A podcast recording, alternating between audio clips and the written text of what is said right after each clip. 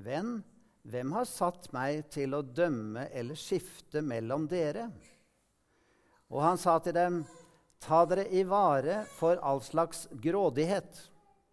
For det er ikke det en eier som gir liv, selv om en har overflod. Så fortalte han dem en lignelse. Det var en rik mann som hadde fått god avling av jorden, og han tenkte med seg selv, hva skal jeg gjøre? Jeg har ikke plass til avlingen min. Jo, dette vil jeg gjøre. Jeg river ned låvene og bygger dem større, og der samler jeg kornet og alt jeg ellers eier. Og så skal jeg si til meg selv, nå har du mye godt liggende, nok for mange år. Slå deg til ro, min sjel. Spis, drikk og vær glad. Men Gud sa til ham, uforstandige menneske, i natt kreves din sjel tilbake. Hvem skal så ha det du har samlet? Slik går det med den som samler skatter til seg selv og ikke er rik i Gud. Herre Jesus, vi ber om at du må gjøre ordet levende for våre hjerter. Amen.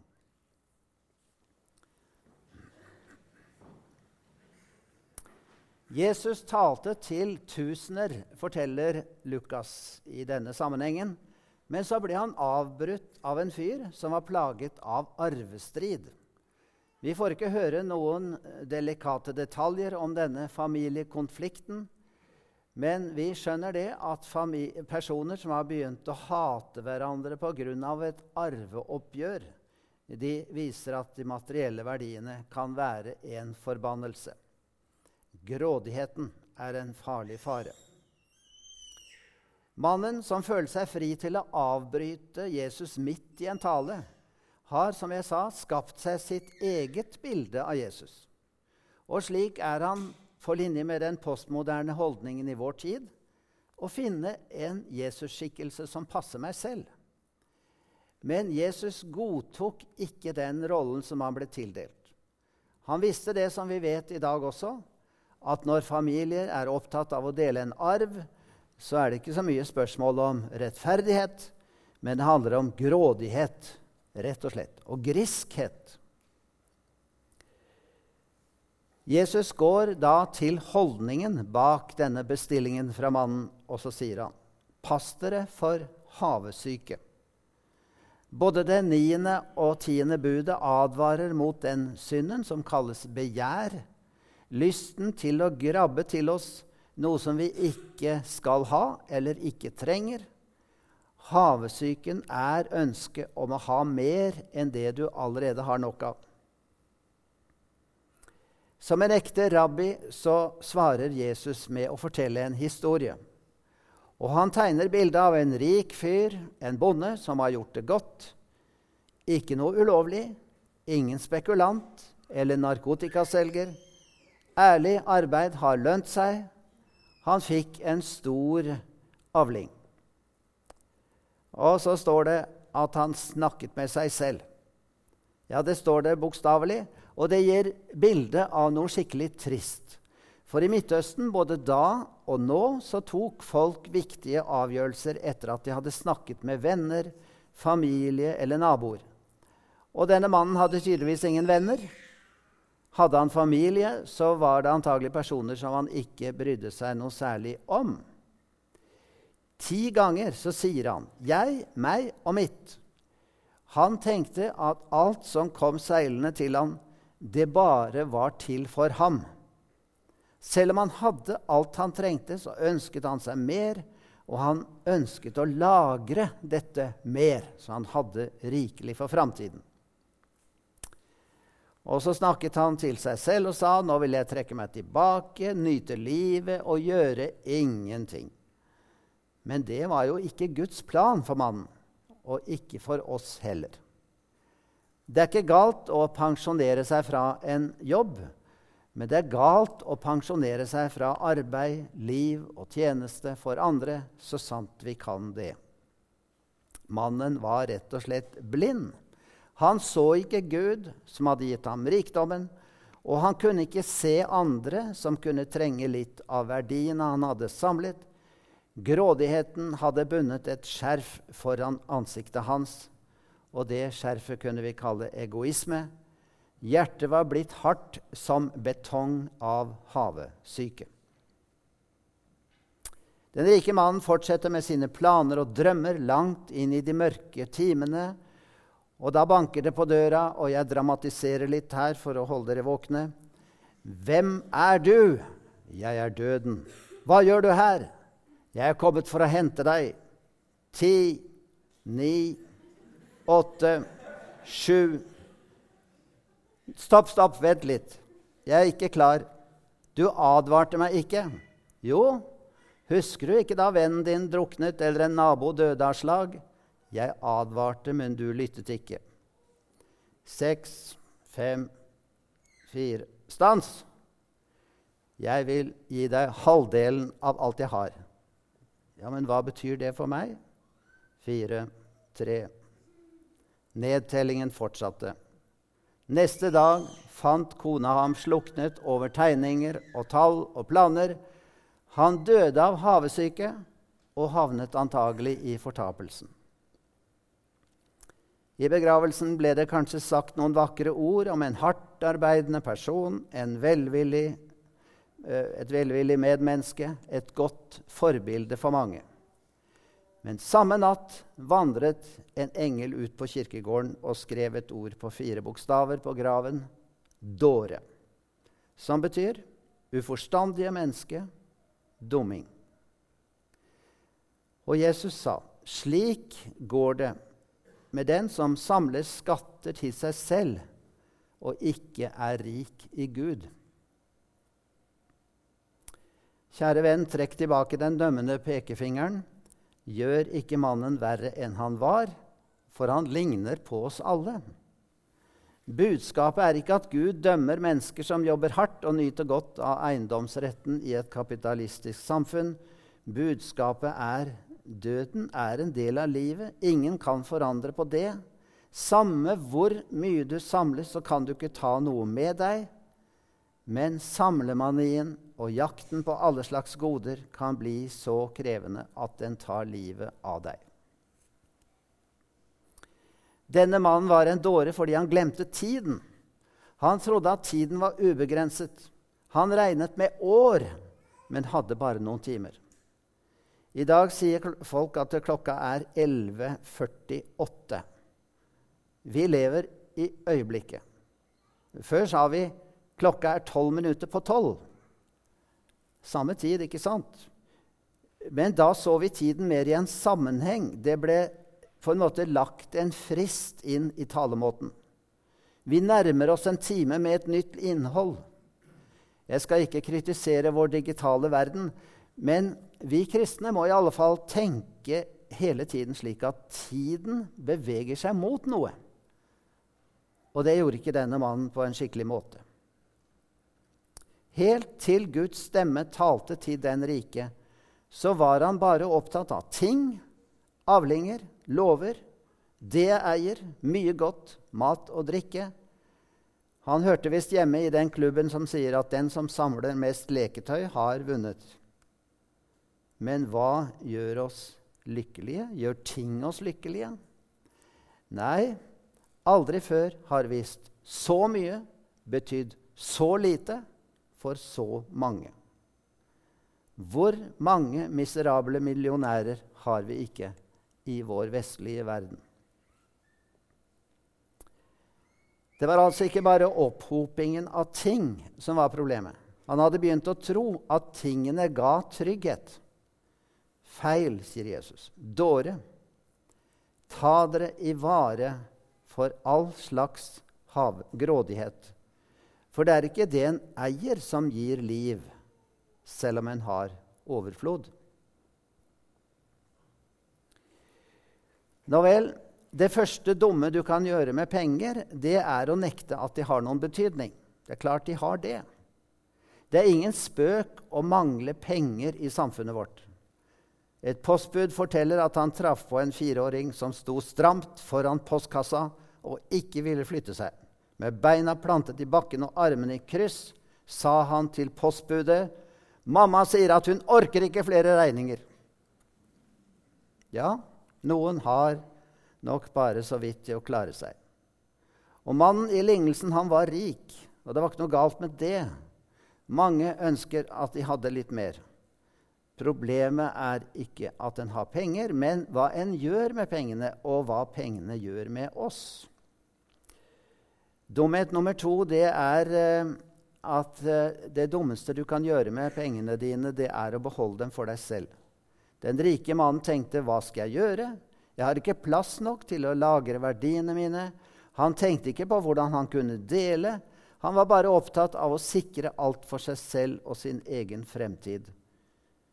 Men du vet, lykken kommer egentlig gjennom relasjoner. Lykken oppstår når vi deler.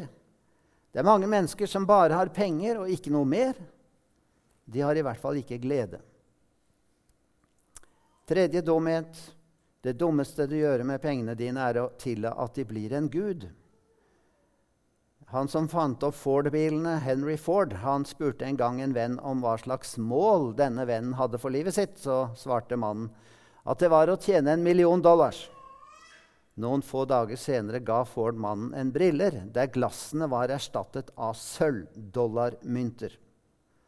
Så ba han mannen ta på seg disse brillene og fortelle hva han så. Ingenting, svarte mannen. Dollaren er i veien.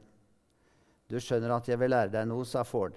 Pengene får deg til å miste alle større verdier. Du blir blind.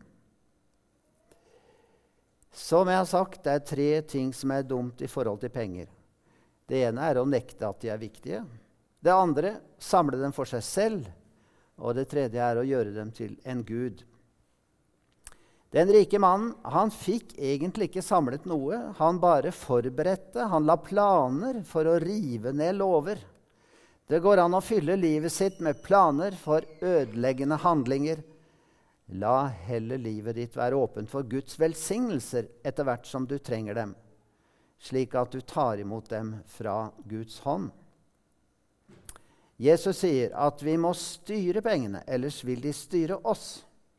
De kan bli enten en forbannelse eller en velsignelse. Skal jeg teoretisere litt mer om denne rike mannen, så vil jeg si kanskje han hadde betalt en altfor høy pris, fysisk, følelsesmessig og åndelig, for sin store rikdom. Det er i hvert fall tilfellet i dag at mange har ofret helsa, ekteskapet, forholdet til barna sine, respekt og rykte i samfunnet. De kan ha anstrengt seg til det ytterste i kampen for å krafse til seg flest mulig statussymboler og ødelagt seg selv underveis. Det kan også være at han regnet med en masse år, som vi hørte, men han møtte jo sin skaper mye tidligere enn han hadde ventet. Kanskje han hadde jobbet seg i hjel, nærmest. Pengelysten hadde ført ham i en tidlig grav. Og her er det også noe å tenke på. Ikke tenk at himmelen kan alltids vente. Det er bare dårer som bygger lover, men utsetter å leve. Kanskje Gud kalte ham en dåre fordi han aldri forsto hvordan han kunne få størst glede av rikdommen sin. Du kan jo gjøre det eksperimentet for deg sjøl. Hva ville du gjort med pengene dine så de kunne gi deg den beste følelsen du noen gang har hatt? Er det bare en nytelsesglede du da oppnår, eller kan det være delingen som er verdifull? På engelsk har de et fint, gammelt uttrykk som heter 'commonwealth'. Det er jo det gamle ordet på det britiske imperiet jeg vet ikke hva jeg skal mene om det politiske med det, men jeg syns ordet er vakkert, for det sier 'common', felles, 'wealth', rikdom. Rikdom er noe sosialt, noe vi har felles. Ingen av oss lever i et vakuum. Vi er avhengig av andre, og andre er avhengig av oss. Og sånn må vi tenke hele tiden. Men den verste tabben med denne mannen det var at han tok ikke på alvor at han sto ansvarlig for Gud. Slik var han en dåre. Og det er mange i dag også som er praktiserende ateister. Og hva mener jeg med det? Jo, det vil si, de er ikke ateister i teorien. De sier jo, jo jeg tror det fins en gud og sånn. Men Den troen må jo gjøre en forskjell i livet ditt hvis du tror at Gud fins. Du svarer for Gud med livet ditt. Hvordan planlegger du med verdiene dine? Er det mulig at du gjør de samme tabbene som denne rike mannen? Jeg har lyst til å sette opp som en liten kontrast forholdet mellom pengeskattene og himmelskattene. Pengeskattene de er bundet til jorden. Himmelskattene venter i himmelen. Pengeskattene kan minke ettersom utgiftene tapper ned det vi sparer. Himmelskattene fortsetter å vokse ved kjærlighet i praksis. Pengeskattene skaper bekymringer. Alarmer blir installert mot tyver, og advokater blir engasjert for å unngå skatt. Himmelrikdommen frir oss fra bekymringer. For Gud selv garanterer at vi er trygge. Pengene kan vi ikke ta med oss.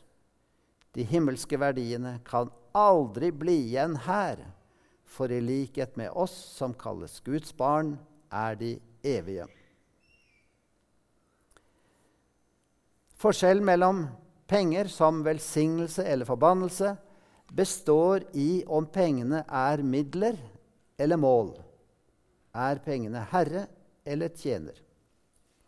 En kristen mann som hørte til blant de rike, ble spurt hvordan klarte du å vokse opp i en rik familie uten å bli oppslukt av materialisme? Han svarte, foreldrene mine lærte oss at alt det verdifulle i hjemmet vårt, det var enten et redskap eller en avgud. Og det ga et perspektiv for hele livet hans. Alt du har i dag, vil omsider gå til noen andre eller i søpla. Og da kan vi spørre Siden alt vil gå videre, fordi du en dag vil gå videre, hvor vil du da at mest mulig går før du går, og når du går? Mannen vi hører om i dag, han var en dåre, ikke fordi han eide penger, men fordi pengene eide ham. Hva som tok livet av denne mannen?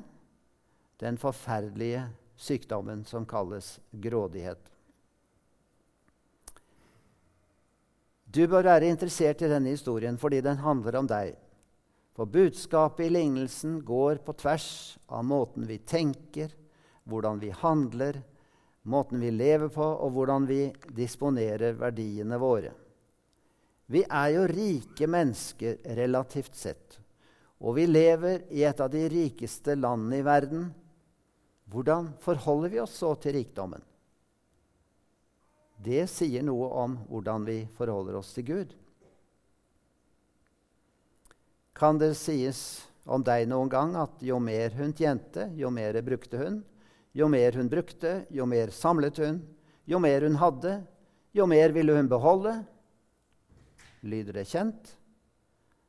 Pass på at du ikke synker ned i en kvikksand av selviskhet og vandrer i en hengemyr av materialisme. I denne natt kreves din sjel tilbake, ble det sagt. Og Her brukes et gresk bankuttrykk. Og Det betyr at et lån tilbakekalles. Denne mannen skjønte ikke at han ikke eide det han hadde. Nei, verre enn det, han skjønte ikke at han ikke eide seg selv, sitt eget liv, sin egen sjel. Alt dette var et lån. Selve livet er et lån fra Gud, og Gud kaller dette lånet tilbake når han selv vil. Det gjaldt denne mannen, og det gjelder for oss også. Alt ble tatt fra ham, og han ble tatt bort fra alt fordi alt må gå videre. Og det gjelder ikke bare tingene dine, men det gjelder deg. Vi tror at alt vi har, kommer fra oss selv, og det vi har, er til for oss. Men hvis du forstår at alt du har, kommer fra Gud og er til for ham, så vil du tenke annerledes om det du har, og om det livet du lever. Merk deg, du kan samle skatter for deg selv, eller du kan bli rik i Gud. Enten det ene eller det andre, men ikke begge deler. Merk deg, jeg kan ikke garantere at du vil leve som en rik person. Men jeg kan garantere at du vil dø som en rik person hvis du setter alt du har, i et rett perspektiv. Hvorfor var denne mannen en dåre? Han hadde fulle lover, men et tomt hjerte. Han var rik i menneskers øyne, men fattig i Guds øyne. Han var en dåre fordi han overvurderte sin egen verdi. Han så ikke at andre kunne være kilden til rikdommen, ikke engang Gud, bare ham selv. Er det da noe håp for oss som er preget av grådighet og materialisme og havesyke? Ja, det er håp hvis vi vender om og ber om tilgivelse for Jesu skyld. Gud sier i ordet sitt, 'Jeg gir dem et hjerte til å kjenne meg, for jeg er Herren.' 'De skal være mitt folk, og jeg skal være deres Gud,' 'når de vender om til meg av hele sitt hjerte.' Jeremia 24, 7. Så gi all ære og takk til Gud Knytt ditt hjerte til ham alene. Lykkelig er den som er rik i Gud. Ja, himmelske Far, vi ber om å få denne rikdommen i våre hjerter. At vi setter all vår tro og tillit til deg alene, og at du frir oss fra materialismen og grådigheten som infiltrerer oss så lett. Amen.